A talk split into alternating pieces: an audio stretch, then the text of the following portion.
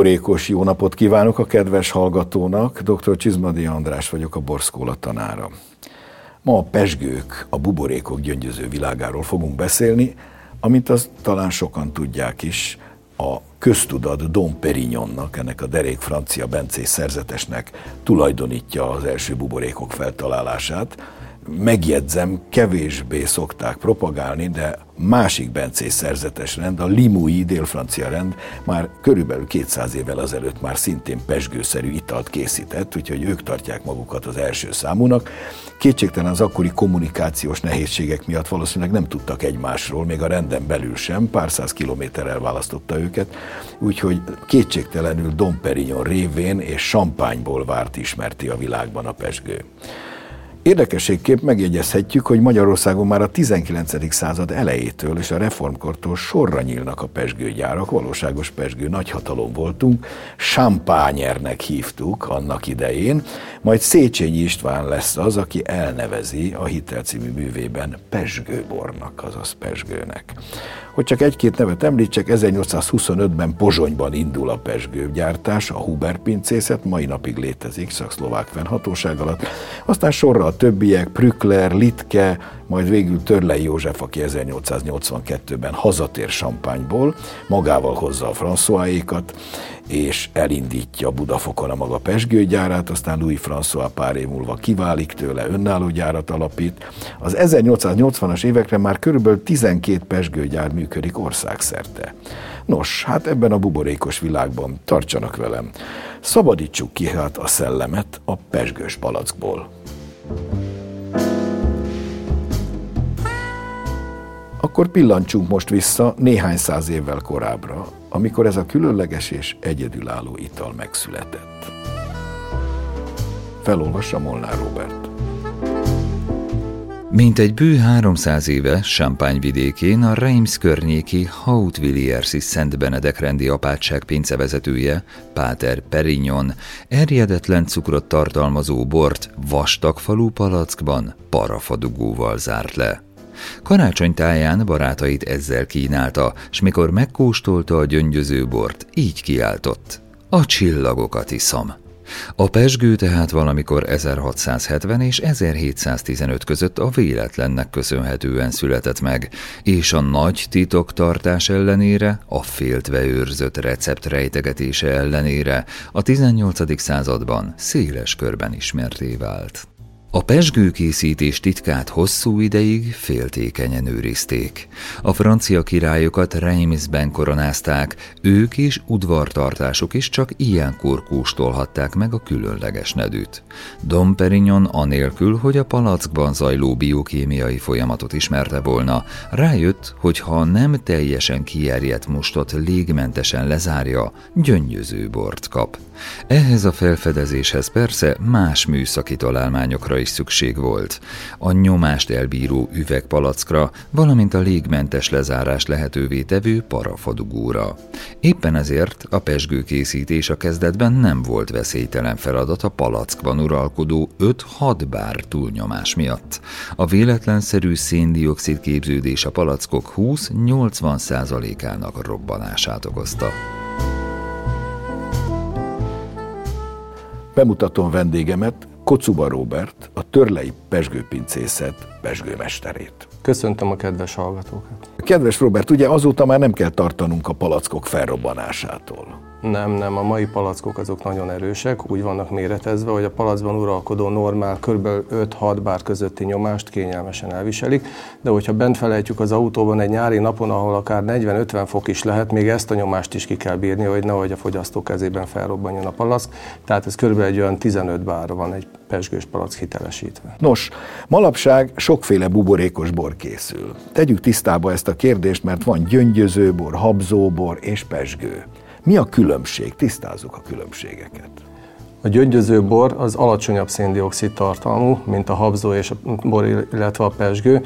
A gyöngyöző bornak kb. fele annyi a széndiokszid tartalma, mint egy pesgőnek. Így a nyomása is. A nyomása is, igen, tehát egy és két és fél bár közötti lehet a nyomása a gyöngyöző bornak, míg a pesgők nyomása három bár feletti, a palacban erjesztett és a minőségi pesgőknek még ennél is több, minimum három és fél bárnak kell lenni a nyomása. De inkább 5-6 szokott lenni. Így van. A gyöngyözőbornál van a normál gyöngyözőbor, ami úgy készül, mint egy pesgő erjesztéssel, és erjesztéssel kerül a széndiokszid az saját italba, maga termeli. Saját maga termeli, igen. De ez a ritkább eset. Ez a ritkább, igen, illetve a hozzáadott széndiokszid tartalma rendelkező gyöngyözőbor, ez úgy készül, mint a szódavíz, csak itt nem vizet, hanem bort szaturálunk fel széndioksziddal. Illetve a habzóbor is ugyanígy készül, aminek a nyomása az megegyezik a pesgő nyomásával, de a habzóbor az hozzáadott széndiokszidot tartalmaz, míg a pesgő az csak és kizárólag az erjedésből származó széndiokszidot tartalmaz. Ő saját maga termeli meg Igen. a buborékjait, Igen. ezek pedig idegen tollakkal, buborékokkal ékeskednek. Igen. Úgy van. Tehát ezért olcsók. Ezért Igen. olcsók a gyöngyözők, mert technológiailag sokkal egyszerűbb előállítani, Igen. és nem kell érlelgetni,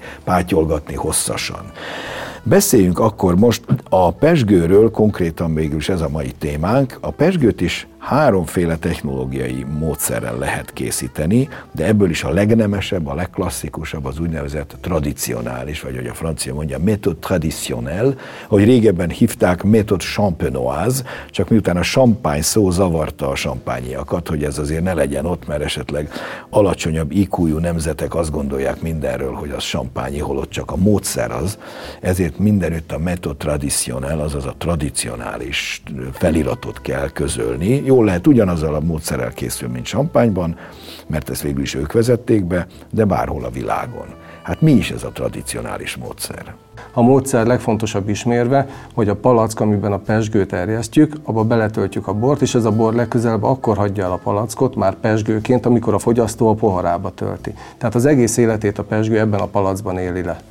A technológia elején egy megfelelően előkészített borhoz tirázslikört adunk, illetve élesztőt. A tirázslikör adja azt a cukortartalmat a bornak, amiből az élesztő a széndiokszidot, illetve alkoholt képezi, és ezt az elegyet beletöltjük egy palacba, amit egy sörös kupakhoz hasonló, de annál erősebb koronazárral zárunk le. Így van. Az erjedés az körülbelül három hónapig tart. A letesszük három... a hűvös pincébe, így van, letesszük a hűvös ugye? pincébe, így van majd három hónap alatt ez a bor pesgővé erjed, az élesztő a cukortartalmat átalakítja széndiokszidá és alkohollá, és ez a keletkező széndiokszid nyelődik el a borban, így válik a bor pesgővé. Miután zárva van, nem tud elszökni. Igen. Tulajdonképpen egy második erjedés zajlik. Ugye az elején egy alapborban dolgoztunk, az alapbornak megvan, hogy milyennek kell lennie, és ehhez a hozzáadott cukor és a hozzáadott élesztő egy második erjesztést indít el, ez lezajlik, és a vége az élesztők végül éhen halnak, mert amikor már nincs több cukrot mit tenni, akkor nem lesz tovább, igaz? Igen. És ezek az élesztők végül ott maradnak a palackban.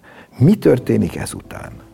Érleljük a pesgőt, eznél a technológiánál általában két-három évig érleljük a pesgőt, és ezután az érlelés után el kell úgy távolítanunk a palacból az elhalt élesztőket, amit seprőnek nevezünk, hogy a pesgőnek bent kell maradni a palacban. És tisztának kell És tisztának kell a végén Zavaros maradni. lenne, nem van. szeretnénk annyira a pohárba kitöltve ilyen kis uszadékok lennének. Na, Igen. ennek van egy speciális eljárása, hogy hogyan lehet úgy megszabadulni ettől az elhalt élesztő tömegtől, hogy közben azért a pesgő ne, ne menjen tönkre, ne fusson ki a palackból.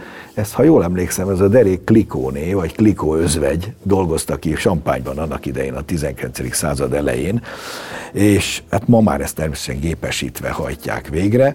Ezt a folyamatot úgy hívjuk, hogy Lerázás. lerázás. Tehát először is le kell rázni, el kell intézni azt különböző teklimeklikkel, hogy ez a bizonyos élesztő, elhalt élesztőtömeg rácsúszson a dugóra. Igen. Azaz ennek régebben rázó állvány volt, ma már ezt is többnyire azt hiszem nagy, nagy üzembe gépesítik, ugye nagy rázó gépek végzik, és a végeredmény, hogy a dugóra rácsúszott az üledék, fejjel lefelé áll a dolog. Mi történik ezután? Ezután kell eltávolítanunk ezt az elhalt élesztőtömeget, amit vagy kézzel tudunk elvégezni, de ezt is régen alkalmazták, ezt a módszert, ma már modern gépeket használunk. A palacban uralkodó nyomás kilövi gyakorlatilag ezt az elhalt élesztőtömeget a, a palacból. De az, hogy kilőhesse még? Le kell fagyasztanunk. Bizonyám. Jelen pillanatban már gépesítve történik ez az egész folyamat. Az első lépésben fejjel lefelé belemártjuk egy mínusz 20 fokos oldatba a pesgős palackot, olyan mélységig mártjuk bele, amilyen mélyen belül a seprőréteg található, és kb. 8 perc alatt egy jégdugóba fagy bele Így a van. seprő, majd ezután már a talpára lehet fordítani a palackokat, hiszen a jégdugóban nem tud visszakerülni az italba. Már nem csúszik vissza. tömeg és hogyha a palac száján lévő koronazálat kibontjuk, a palacban lévő széndiokszid kilövi ezt a jégdugót, és tiszta a pesgő. No, akkor ezt hallgassuk meg. A tradicionális módszerrel régen ezt valamikor kézzel nyitották ki, és a benne lévő nyomás hogyan nyomja ki ezt a bizonyos jégdugót és a belezárt üledéket.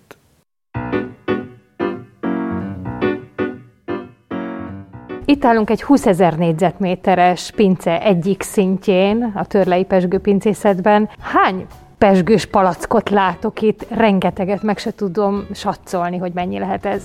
Itt a háromszintes pincékben több százezer palackpesgőt erjesztünk és érlelünk. Kétféle eljárással készülnek itt a palackos erjesztésű pesgőink. 7,5 deciliteres palackokban a tradicionális eljárással készülő pesgőket készítjük, ebből durván itt a pincében egy olyan 300-350 ezer palack van, illetve a transzfáz eljárással készülő pesgőink, amelyek másfél literes palackban erjednek. Abból ebben a pincében egy olyan 800 ezer palack van, de van egy másik pincénk, ahol további 2-300 ezer palackot erjesztünk tettünk. Mi történik most? Mit fogunk csinálni? Most degorzsálunk egy palackot. Degorzsálunk? Degorzsálunk egész pontosan, igen. Többféle módon lehet degorzsálni, lehet kézzel, ezt fogom most megmutatni, illetve majd átmegyünk a degorzsáló gépsorról, ahol ezt a folyamatot egy berendezés végzi el. Miért van erre szükség, hogy degorzsáljuk a pesgőt? Erre azért van szükség, mert a rázóállványon lerázott élesztőt el kell távolítanunk a palacból, és a degorzsálás művelete az, amikor eltávolítjuk a palacból. Ehhez egy gyönyörű bőrkötényt vett most föl.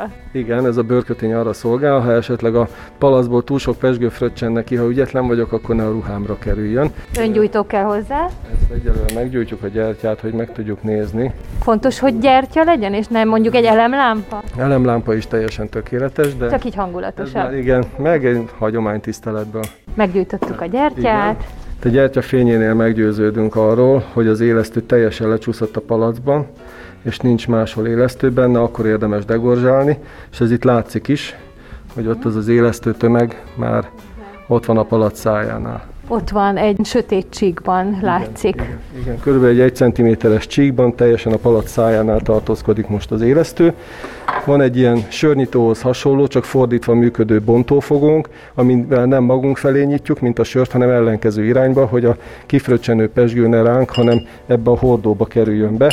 Ez már fog pezsegni, tehát hogy ez már ez az élesztő igen. már működött benne. Na, haj, halljuk. Teljesen kiérett pesgő. Igen. Tehát ide tartjuk, ez egy hordó, ennek a hordónak van az oldalára egy nagy lukvágva, alatta van egy másik hordó, abba fog lefolyni a seprő. Feje lefelé tartom a palackot, megtámasztom itt az oldalamnál, ráhelyezem a bontófogót, és a hüvelykújamat egy kicsit átmozgatom.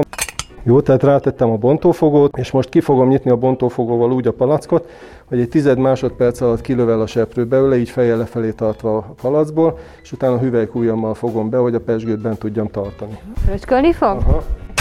Hoppá! Most szép lassan leeresztjük. A... és ott van az ujja, azzal megfogta, hogy nehogy Igen. az értékes pesgő kifoljon. Megnézzük. Megnézzük ismét a gyertyafénynél, hogy jól sikerült. Tehát teljesen tiszta a pesgő, tehát sikerült jól a seprőt eltávolítanunk a palacból. Fantasztikus, degorzsáltunk. Igen. És ezt minden egyes üveggel megcsinálják? Igen, de erre van egy berendezésünk, ami nem pontosan így végzi ezt a folyamatot. Annak idején, amikor még nem tudtak fagyasztani, akkor így degorzsáltak. Száz évvel ezelőtt de azóta már Törlei vezette be a, a fagyasztásos degorzsálást Magyarországon, azóta már fagyasztva degorzsálunk. Ez tehát a tradicionális módszer lényege, de tegyük hozzá, hogy ez a legmacerásabb, amit látjuk, sok mindent kell vele csinálni, érlelgetni, hosszan pátyolgatni, megszabadulni a, ettől az üledéktől, degorzsálni, ugye ez a hivatalos kifejezése ennek, és ezért ez az, ez az eljárás nem olcsó. Ez kétségtelen. Ezért az igazi, nagy klasszikus pesgők nem tudnak igazán olcsók lenni, nem tudnak versengeni a sokkal olcsóbb technológiával elő, elkészítettekkel szemben. Ezért aztán a pesgőgyártásban már korábban is alkalmaztak olcsó módszereket, amik azért szintén jó eredményt hoznak, csak kevésbé macerásak. Ilyen például a második, a transfermódszer, vagy méthode transvasé franciásan, ahol szintén palackos erjesztésről van szó, csak egy kicsit egyszerűsödik a dolog. Hogy van ez valójában? Másfél literes erjesztő palackokat használunk az erjesztésnél, tehát kétszer tehát itt is palackokat, igen, mint általában a tradicionális eljárásnál, és ebbe az erjesztő palacba ugyanúgy a tirázslikőrrel és az élesztővel összekevert bort töltjük, és ugyanolyan koronazárral zárjuk le a palac száját, ugyanúgy lekerül a hűvös pincébe, ahol három hónap alatt terjed pesgővé, Ezután ezek a palackok se rázóállványra, se az úgynevezett zsiropalettába, ami az élesztő lerázását, a palacszájhoz való juttatását végzi, nem kerülnek be. Azért, mert máshogy fogunk megszabadulni, igen, ugye az, az igen, üledéktől. Igen, tehát ezek Viszont a... palackosan érleljük őket. Igen, ezek is palackos érlelésűek, általában egy éves érlelésük. A kiérjetés érlelt pesgőket és speciális berendezésbe tesszük be, már a talpára fordítva, úgy élesztősen, ahogy kiérjett és érlelődött, majd a palac száját légmentesen ez a berendezés lezárja, és a koronazár palacra egy lukat üt, és ezen a lukon keresztül a palacba ereszkedik egy szívószál vastagságú cső, majd ezután széndiokszidot pumpálunk a palacba, ami maga előtt tolja a pesgőt, és ezen a szívószál vastagságú csövön keresztül kiürül a palac tartalma, egy széndiokszid, megint csak széndiokszid előfeszített tartályba, uh-huh. azért, hogy a pesgőben lévő széndiokszidot tartalmat tud, meg tudjuk őrizni. Ne tudjon elszökni, igen, bizony. Igen. Tehát ez sokkal egyszerűbb így ez Lényegesen által. egyszerűbb, igen. illetve az egyes palackokban kierjedt pesgők, amik között azért egy pici különbség van a tradicionális eljárás másnál ez tapasztalható, itt egalizálni tudjuk egy tartályban. Teljesen egységes, homogén lesz. Nálunk az a szokás, hogy 15 ezer palackot ürítünk le egyszerre, vagy 60 ezer palackot, ilyen méretű tartályaink vannak, tehát ez a 15 ezer vagy 60 ezer palacnyi pesgő, ez teljesen egyforma lesz az egalizálás miatt. Nos, beszéljünk akkor a legolcsóbb megoldásról. Ez a bizonyos tartályos pesgő, vagy tankpesgő, vigyázat a tank alatt itt nem a harci járművet kell érteni, vagy franciásan a méthod Charmat, ugye, mert egy Charmat nevű pasas találta föl ezt a rendszert annak idején, ezt a módszert, ekkor mi történik? Mitől olcsó ez? Sokkal jobban gépesíthető a pesgőkészítés, és egyszerűen nagyobb mennyiséget is el lehet készíteni. Mekkorák ezek a tartályok általában? Változó. A 6000 litertől egészen a 250 ezer literes tartályokig lehet pesgős tartályokkal találkozni. Ezek hatalmas tartályok, de ez azért fontos, mivel a pesgőkészítés során az évjáratot nem szoktuk feltüntetni. A pesgők nagyon nagy részén nincs évjárat feltüntetés, így ilyen nagy mennyiségben egyenletes minőségű pesgőt tudunk évről évre a fogyasztók asztalára tenni. Akár több évjárat is keverhető? Akár több éve alatt keverhető, pontosan azért, Ki hogy azonos stílusú pesgőt tudjunk készíteni, és az évjáratok közötti a boroknál ugye a, a különbség a eltűnik. Pontosan. Menjünk is vissza a pesgőgyárba a gépsorokhoz, ahol ön Királyhegyi Zsuzsanna kolléganőmmel végigkísérte a pesgők útját a fagyasztva degorzsálástól a dugók behelyezéséig.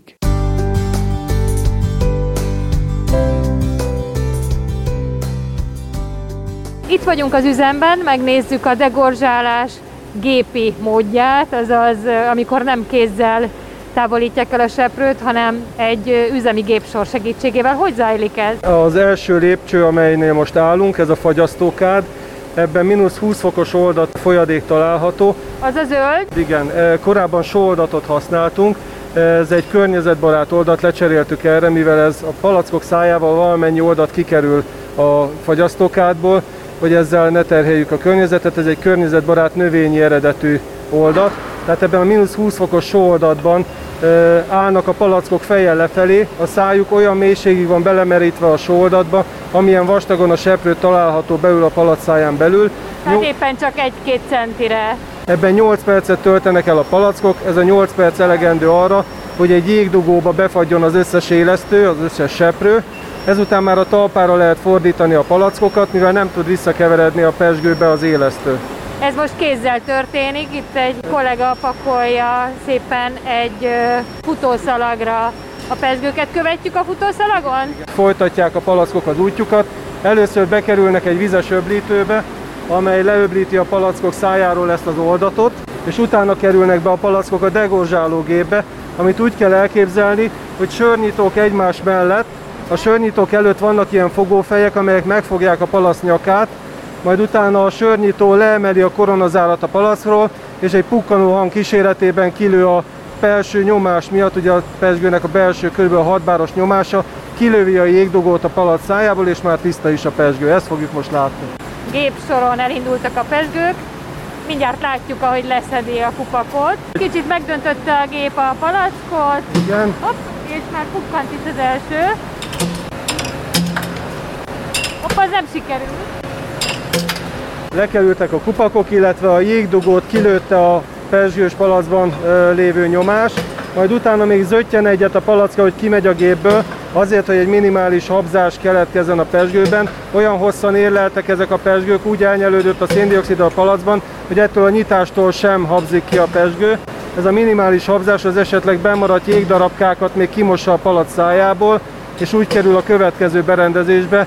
Megy tovább a kutószalagon a, a már nyitott szájú palack a pesgővel. Következő lépcsőben expedíciós likőrrel beállítjuk a pesgő végső cukortartalmát. Expedíciós likőrrel, ami borban oldott cukor, vagy must, vagy ezek keveréke, állítjuk be ezt a végső cukortartalmat, amit szeretnénk a pesgőben. Megy tovább a palac, már benne van az expedíciós likőr. Miért hívják egyébként az expedíciós likőrnek? Ez jó kérdés, erre még én sem jöttem rá, hogy miért ez a neve. Ez egy francia kifejezés, a Liqueur Expedition, de nem tudjuk, hogy miből ered. Én nem tudom legalábbis, hogy miből ered. Dugó kerül rá, úgy Így látom. De hát ezek a dugók nem is gombaformájúak, hanem hasonlóak a boros dugóhoz. Úgy lesz gombaformájú, hogy egy erős fémpofák összeszorítják a dugót olyan átmérőjűre, mint a palac szája, majd egy fémtüske beletolja a palac szájába a dugót, és a későbbiekben a palac száj formáját veszi fel a dugó, ettől lesz gomba formája. Következő lépés pedig a drótkosarazás, amikor a dugókat lerögzítjük egy drótkosárral, hogy a megemelkedő nyomás, ugye most a degorzsálásnál a palac felső részében, ahol nincs pesgő, ott légköri nyomás van. Ahogy beledugjuk a dugót, utána megemelkedik a nyomás, mivel a pesgőből valamennyi széndiokszid távozik, és kilőni a dugót, ha nem rögzítenénk. Erre szolgál a drótkosár. Ezután mi történik? Ez, ez talán a legszebb mozgás az egész gépsornál, Hosztengelyüknél fogva, mintha táncolnának a palackok, forognak körbe-körbe. Elindult a forgató, meg vannak forgatva a pesgők, összekeveredett a likőr és a pesgőbor. Bekerül egy újabb berendezésbe, ami erős lámpa fényénél fejjel lefelé fordítjuk a palackokat, és leellenőrizzük még egyszer, hogy biztosan nem -e marad seprő a palacban. Ez egy utolsó tisztasági ellenőrzés, és utána kerülnek a két hónapos pihentetésre.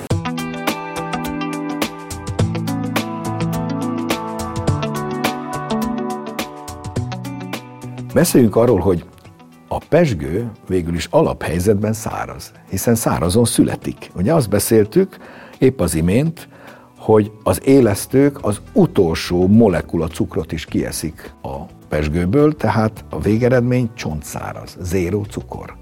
És utána szépen éhen halnak, mert nincs tovább mit tenni. Szárazon születik a pesgő, hogy lesz belőle mégis félszáraz, meg félédes, meg édes? Az expedicionálással, vagyis a második az édesítéssel, ehhez expedíciós likört használunk. Ez az ugye, amit a, a degorzsálás után, tehát amikor a jégdugót eltávolítjuk, és egy pici hely maradott a helyén, ugye, azba vissza lehet vala, vissza is illik tölteni, hogy a szintet beállítsuk.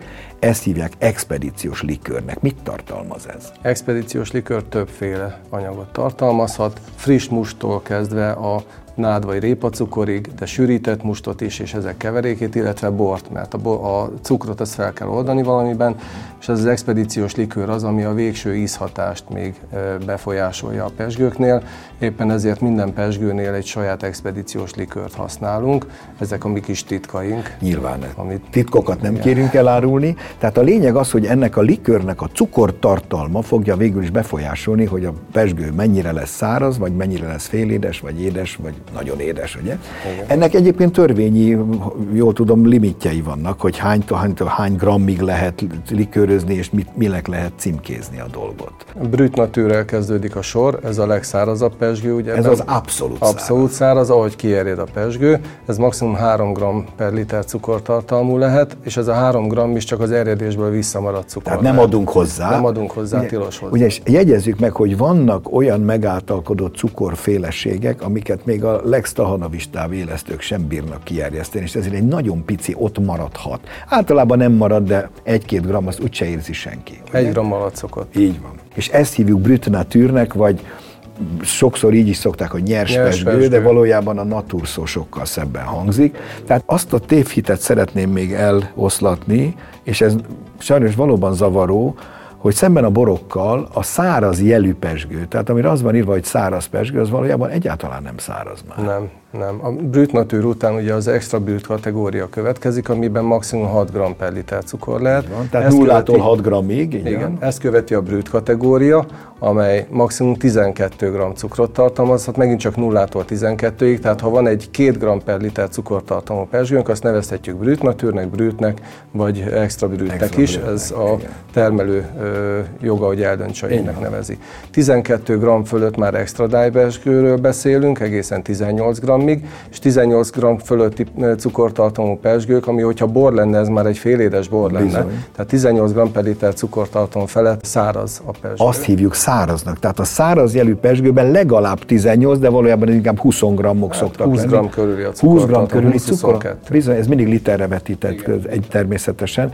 Tehát aki azt mondja, hogy száraz nevű pesgőt iszik, az egyáltalán nem olyan száraz. Az igazi száraz az a brüt natűr, vagy legalábbis a brüt kategóriáknak, ezek az extra brüt, stb. nevűek, ezeknél lehet valóban szárazságra számítani. Együnk azért pár szót a pesgő, nagyon fontos a pesgő hűtéséről. Tehát a pesgő melegen meghal. Mennyire érdemes és szokás hűteni egy jó pesgőt? Én azt szoktam mondani, hogy kb. 5-6 fok környékére. Időben lehűtjük, ez nagyon fontos. Több órával előre. Több órával előre, akkor egy nagyon finom hideg ital tudunk kitölteni a pohárba. Nem jók azok a hűtőszekrények, amelyeket szoktak néha reklámozni, hogy jaj, elfelejtettem a pesgőt behűteni, mindjárt itt a barátnőm, beteszem a gyors és fél órán belül vagy 10 percen belül hideg a pesgő, ez tönkreteszi a pesgő íz és illatvilágát, tehát kell időt hagyni a pesgőnek, hogy le tudjon hűlni. Tehát szép folyamatosan hűtjük, és ne hírt, ne sokszerűen, ugye? Igen. Tehát a pesgőnél akkor kell tölteni, igenis a vendég várjon a buborékra, és ne a buborék a vendégre. Ez Utolsó pillanatban kell tölteni, mielőtt kézbe veszük, és meg is kell inni két-három percen belül. Nem szabad fölötte sokat meditálni és macerálni. Megköszönöm vendégünknek, Kocuba Robertnek, a Törlei Pesgőmesterének a szíves közreműködését. Köszönöm szépen a lehetőséget, hogy itt lehettem. És most hallgassuk meg, mi újság a borok világában. A híreket Vajda Boglárka szemlézi. Elindult a Hegyközségek Nemzeti Tanácsa Pezseg Szabadon kampánya, amelynek célja a pesgőfogyasztás népszerűsítése. A koronavírus járvány utáni újranyitás kiváló alkalom nem csak a pesgőnyitásra, hanem a szabadság élményének közös megélésére is, melyből a legnagyobb hiányt szenvedtünk a karantén hosszú hónapjai alatt. Az országos kampány fókuszában az online tér áll. A pezsekszabadon.hu weboldal létrehozásával a tanács arra buzdítja a fogyasztókat, hogy fotóval örökítsék meg a nyitás pillanatát, az első igazi pesgésüket. A pesgős fotók bárhol készülhetnek, egy bérház udvarán, a gangon, kirándulás közben, a Balaton partján, és a kedvenc helyekbe is jelölhetőek. A képekből kialakított interaktív Magyarország térkép egy közösségi felületté válik, melyen látható, hogy ki merre pezseg. Légli Otto, a tanácselnöke elmondta, a Pezseg Szabadon kampánya pesgőkészítők szakmai összefogásával, 26 pesgőpincészet aktív részvételével a minőségi magyar pesgők fogyasztását népszerűsíti. Idén 14 borvidék 121 pincészetének 235 bora versengett a Debrecen város Bora 2021 címért. Pesgő kategóriában a Gróf Degenfeld szőlőbirtok 2017-es Tokai Furmint pesgő extra brüt pesgője lett az első. Fehér klasszikus kategóriában a Dobosi 2018-as Nivegy Völgy bio-olasz rizlingje győzött. Fehér prémium kategóriában pedig a Holdvölgy pincészet 2019-es évjáratú Meditation Tokai száraz furmintja viselheti a Városbora címkét. A rozé kategóriát a Mészáros Pál Borház és Pince 2020-as sirározéja nyerte. A vörös klasszikus kategóriában a Tümmerer pincészet és szőlőbirtok 2016-os Egri Bikavér klasszikus bora, a vörös prémium kategóriában a Vesztergomi pincészet 2017-es vintásbora került az első helyre. A desszert kategóriát a Gróf Degenfeld szőlőbirtok 2016-os ötputtonyos tokai asszúja nyerte.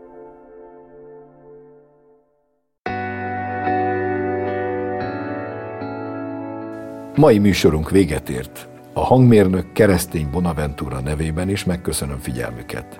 Szép napot, jó borokat, buborékos estéket kívánok. Dr. Csizmadi András hallották, a Borszkóla tanárát.